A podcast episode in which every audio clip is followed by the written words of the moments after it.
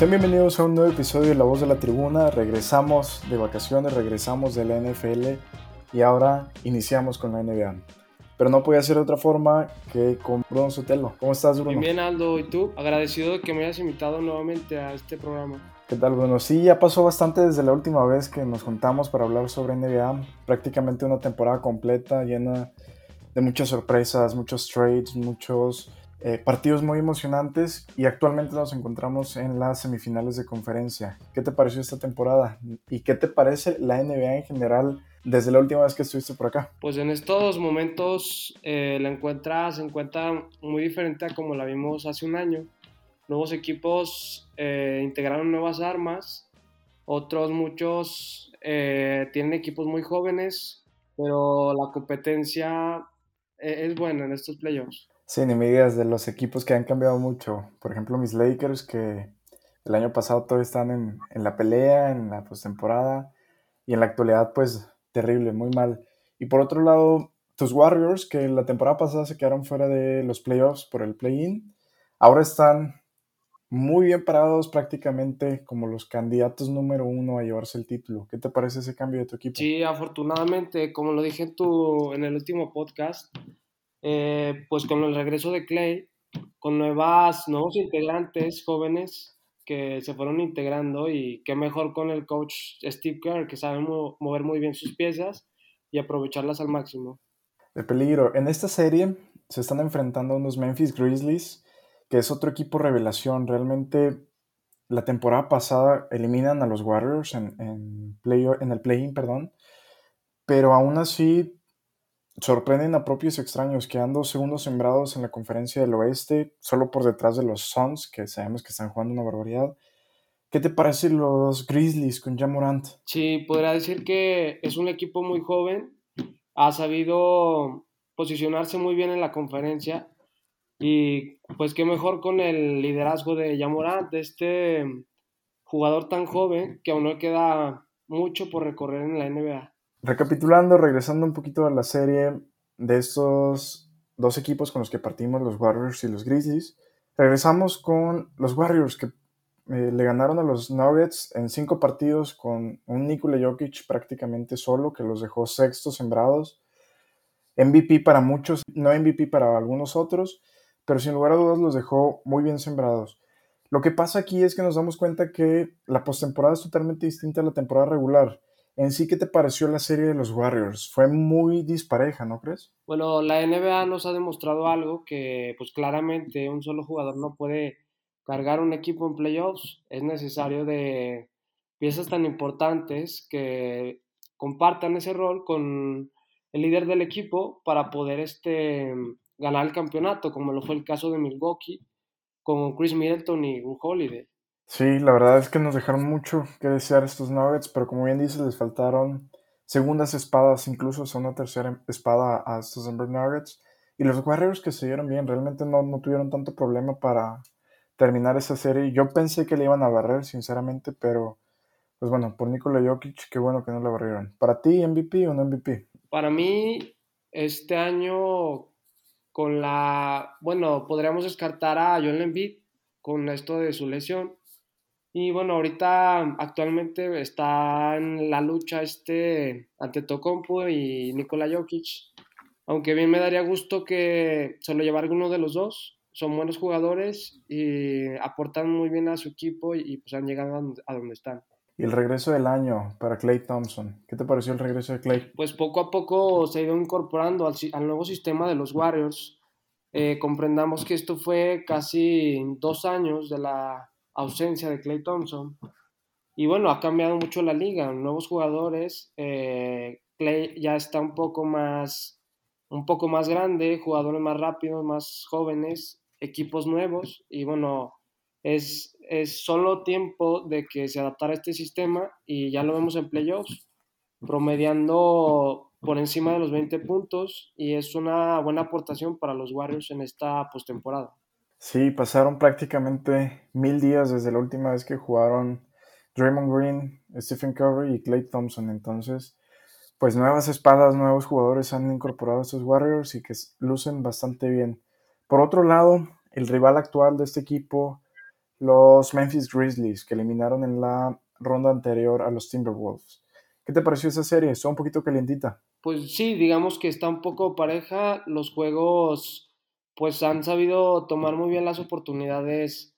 Memphis atacan muy rápido, al igual que los Warriors. Tienen un sistema en el que mueven, mueven la bola muy rápido a comparación de otros equipos. Y bueno, a lo que noto de los Memphis Grizzlies es que están mucho dependientes de lo que es Jamoran. Si está fuera él, está prácticamente paralizado lo que es la ofensiva. Pero bien, este, yo pronostico, bueno, yo digo que ganaría esta, esta ronda claramente los Warriors, tal vez un 4-2. Se van a seis partidos, sí, yo también creo, creo eso, no creo que a los Grizzlies les alcance esta temporada, sobre todo por la inexperiencia de postemporada. Estamos hablando de Stephen Curry, Draymond Green, Clay Thompson, Steve Kerr, Steve Kerr. Entonces, pues lo hemos visto, o sea, prácticamente la década pasada fue dominada por ellos. Y creo que la experiencia y el buen juego de estos Warriors, incluso el buen momento, porque hay que decirlo, están jugando muy bien, pues va a hacer que superen a los Grizzlies. Tu pronóstico, 4 a 2. Sí, 4-2 sería ese pronóstico. Que bueno, ya este, ahí, por ahí ya estuvo la burla de Yamora de que en Game 6 los Warriors. Pero bueno, este, esperemos que, que no pase. Sí, en ese momento, en el momento en el que estamos grabando, está empatada la serie 1 a 1. Los dos partidos primeros se jugaron en Memphis, van a jugar ahora en la Bahía. Entonces, pues estén pendientes de esta serie que sin duda echa chispas. Por el otro lado, otro partido interesante, los Suns versus los Mavericks. ¿Qué hay de esta llave?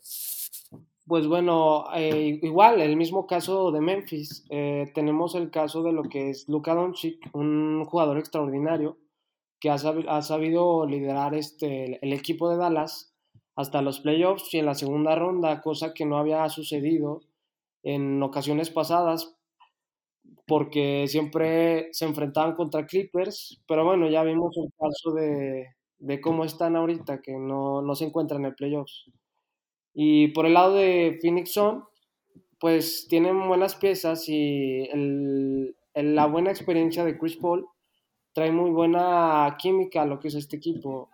Y pues bueno, yo pronostico, yo diría que ganaría Phoenix en esta, en esta ronda aunque si bien, o sea, no, no son mi equipo favorito, pero sí, ganaría Phoenix. ¿Tú qué opinas, Aldo?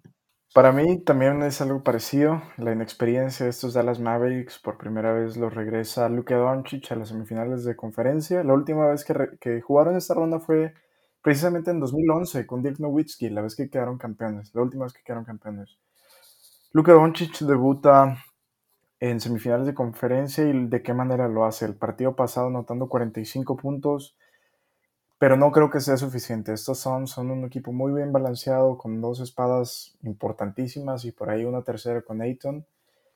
Y Chris Paul tiene toda la experiencia del mundo, es el, es el mejor manejador de bola de reloj en la liga. Entonces, siento que estos soles no van a tener tanto problema para avanzar, al menos hasta la final de conferencia que, me los veo.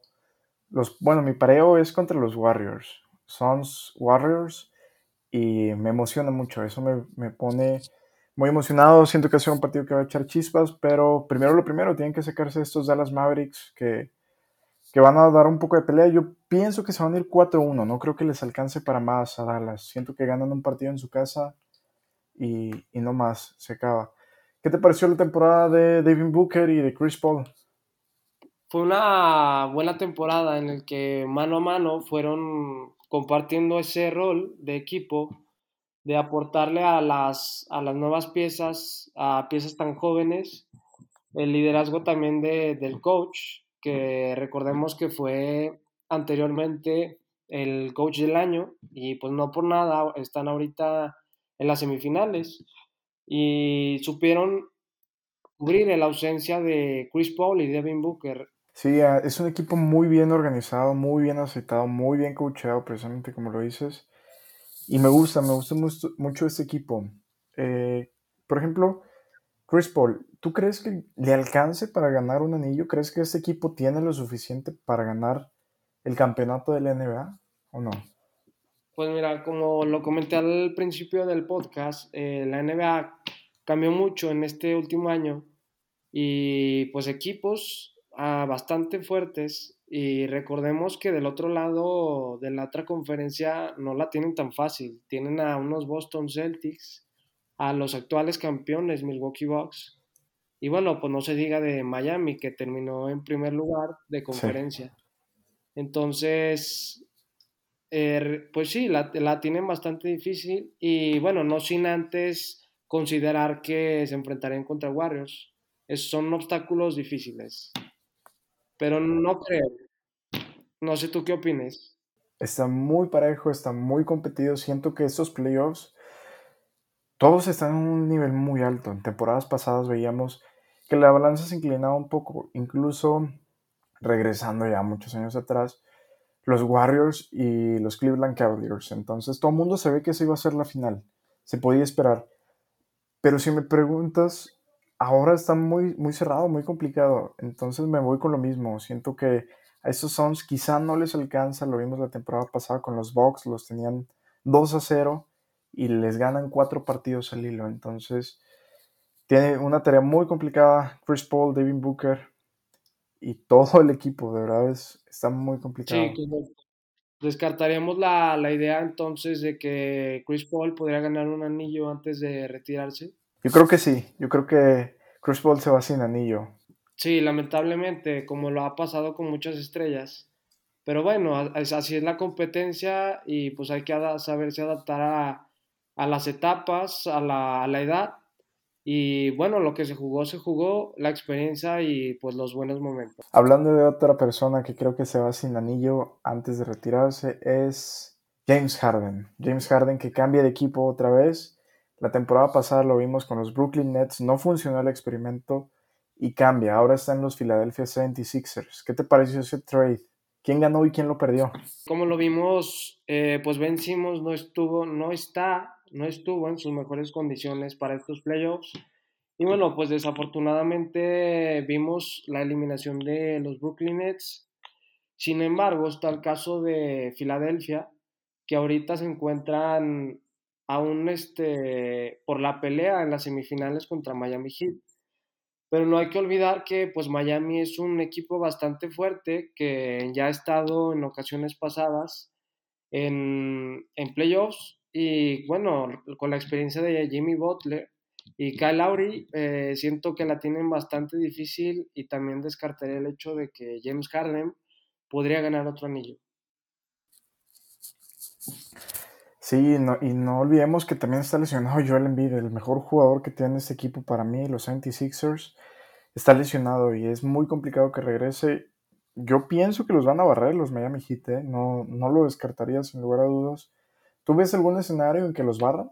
Sí, estoy de acuerdo contigo, aunque tal vez démosle también la oportunidad como Dallas de poder ganar un juego en casa, por lo menos. Sí, en James Harden, que se le ha criticado mucho por ser un jugador extraordinario en temporada regular, pero a la hora de la verdad, al momento de la postemporada, un jugador que suele bajar mucho su promedio de puntos, de asistencias, incluso de rebotes, un jugador que pareciera que le da un poco de frío, que le da un poco de miedo tomar el balón en los últimos minutos de la postemporada.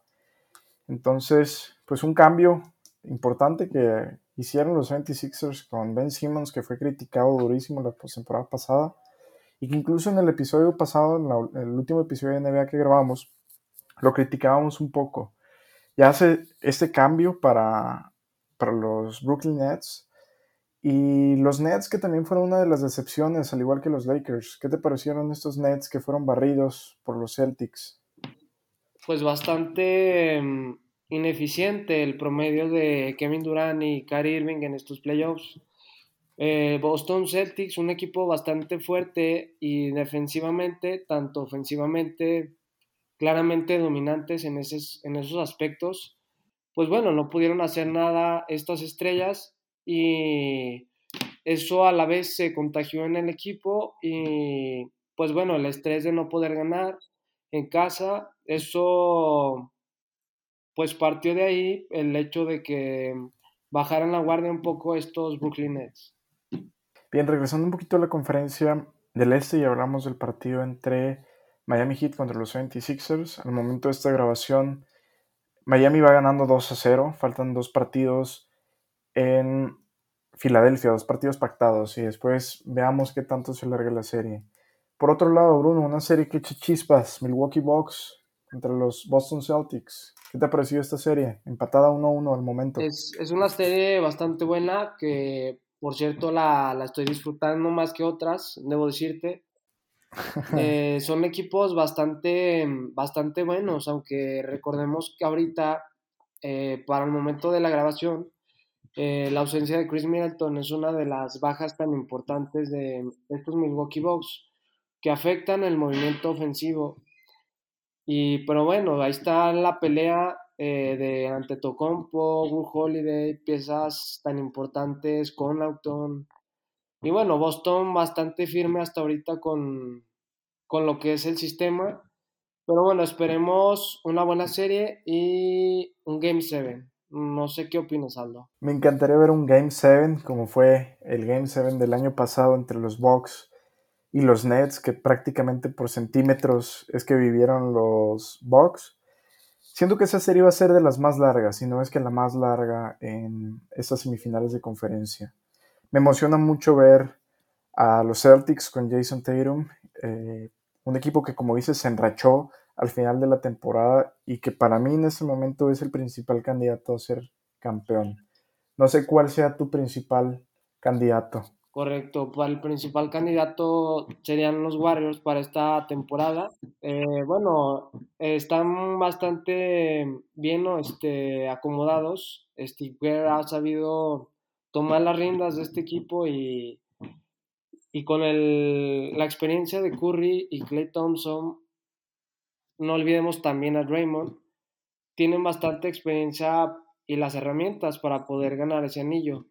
Pero bueno, como te lo comenté, bastante difícil por el lado de la otra conferencia. Eh, yo diría también por ahí está la pelea de Milwaukee-Boston. Por ahí también veremos las finales entre esos dos equipos. No creo que por la otra llave veamos a un finalista. Pero bueno, eh, ese sería el pronóstico hasta ahora. ¿Cómo lo ves, Aldo? Me gusta ese pronóstico y la verdad estoy soñando con una final Boston Warriors. No sabes las ganas que tengo de verla. Sobre todo por Jason Tatum. La verdad es un jugador que me encanta. Es un jugador que juega muy bien y que ha madurado muchísimo en la liga. Y siento que merece al menos una oportunidad de, de un anillo. Sé que es muy joven, sé que tiene bastantes años por delante, pero me gustaría. Y los Milwaukee Bucks siento que no les alcanza esta temporada para repetir. No creo que, sea un doblete. Solo muy pocos equipos logran hacer eso. Entonces, no los pongo en esa lista y mucho menos con la baja tan sensible de Chris Middleton. Y bueno, también démosle mérito al coach de Boston con la ida de Brad Stevens. Siento que fue un cambio bastante bueno para estos Boston, que no era tanto una pieza importante, sino de que los dirigentes tomaran esas esas riendas del equipo para poder avanzar a, lo que es la siguiente ronda, que es a donde están ahorita, las semifinales. Y por ahí tuvieron sus tropiezos y supieron tomar cada quien su papel, este Jalen Brown, Jason Tatum, Marcus Smart, por ahí tuvieron sus discusiones, pero bueno, ya bastante acomodados hasta Sí, estoy muy de acuerdo contigo en que la incorporación de este nuevo head coach fue vital para esos Celtics, que al inicio de la temporada flaquearon, no se veían sólidos, incluso mucha gente pedía la cabeza de, ese head coach, pero al final de la temporada fueron el mejor equipo, se enracharon y los equipos enrachados ganan títulos, lo vimos la temporada pasada con Milwaukee, lo vimos hace dos temporadas con los Lakers, entonces ojo con estos Celtics, ojo con un equipo tan bien organizado, tan bien aceptado y que si falla tu estrella principal, si la doble marca o algo, tienes una segunda espada. Es algo que, por ejemplo, está sufriendo Milwaukee, lo sufrió en el segundo partido contra los Celtics, se quedaron ante Tocompo y esa fue la clave para llevarse la victoria. ¿Algo más, Bruno, por estas semifinales de conferencia, por estos partidos, por estos dos primeros partidos que tenemos de cada lado de, de las llaves? Pues series bastante buenas, unas no tan parejas que otras, Pero bueno, al final de cuentas, esperemos unas buenas finales de conferencia, que ganen el, que tenga que ganar. Y pues bueno, ya nos veremos en las finales. Así es, hermano. Nos estaremos escuchando nuevamente en las finales de conferencia, con la previa, con el partido partido, con análisis, datos y con todo lo que nos dejó esas semifinales de conferencia que sin lugar a duda pintan muy buena y que espero, ruego por un Game 7 entre los Celtics y los Bucks. Sin más, Bruno, te agradezco muchísimo por haber aceptado la invitación. Sabes que estás en tu casa. La voz de la tribuna es un espacio para hablar de NBA, NFL, fútbol, de todo. Y estás más que invitado siempre, hermano. Te agradezco mucho. Y por favor, compártenos tus redes sociales. Muchísimas gracias, Aldo. Eh, te agradezco que me hayas invitado nuevamente.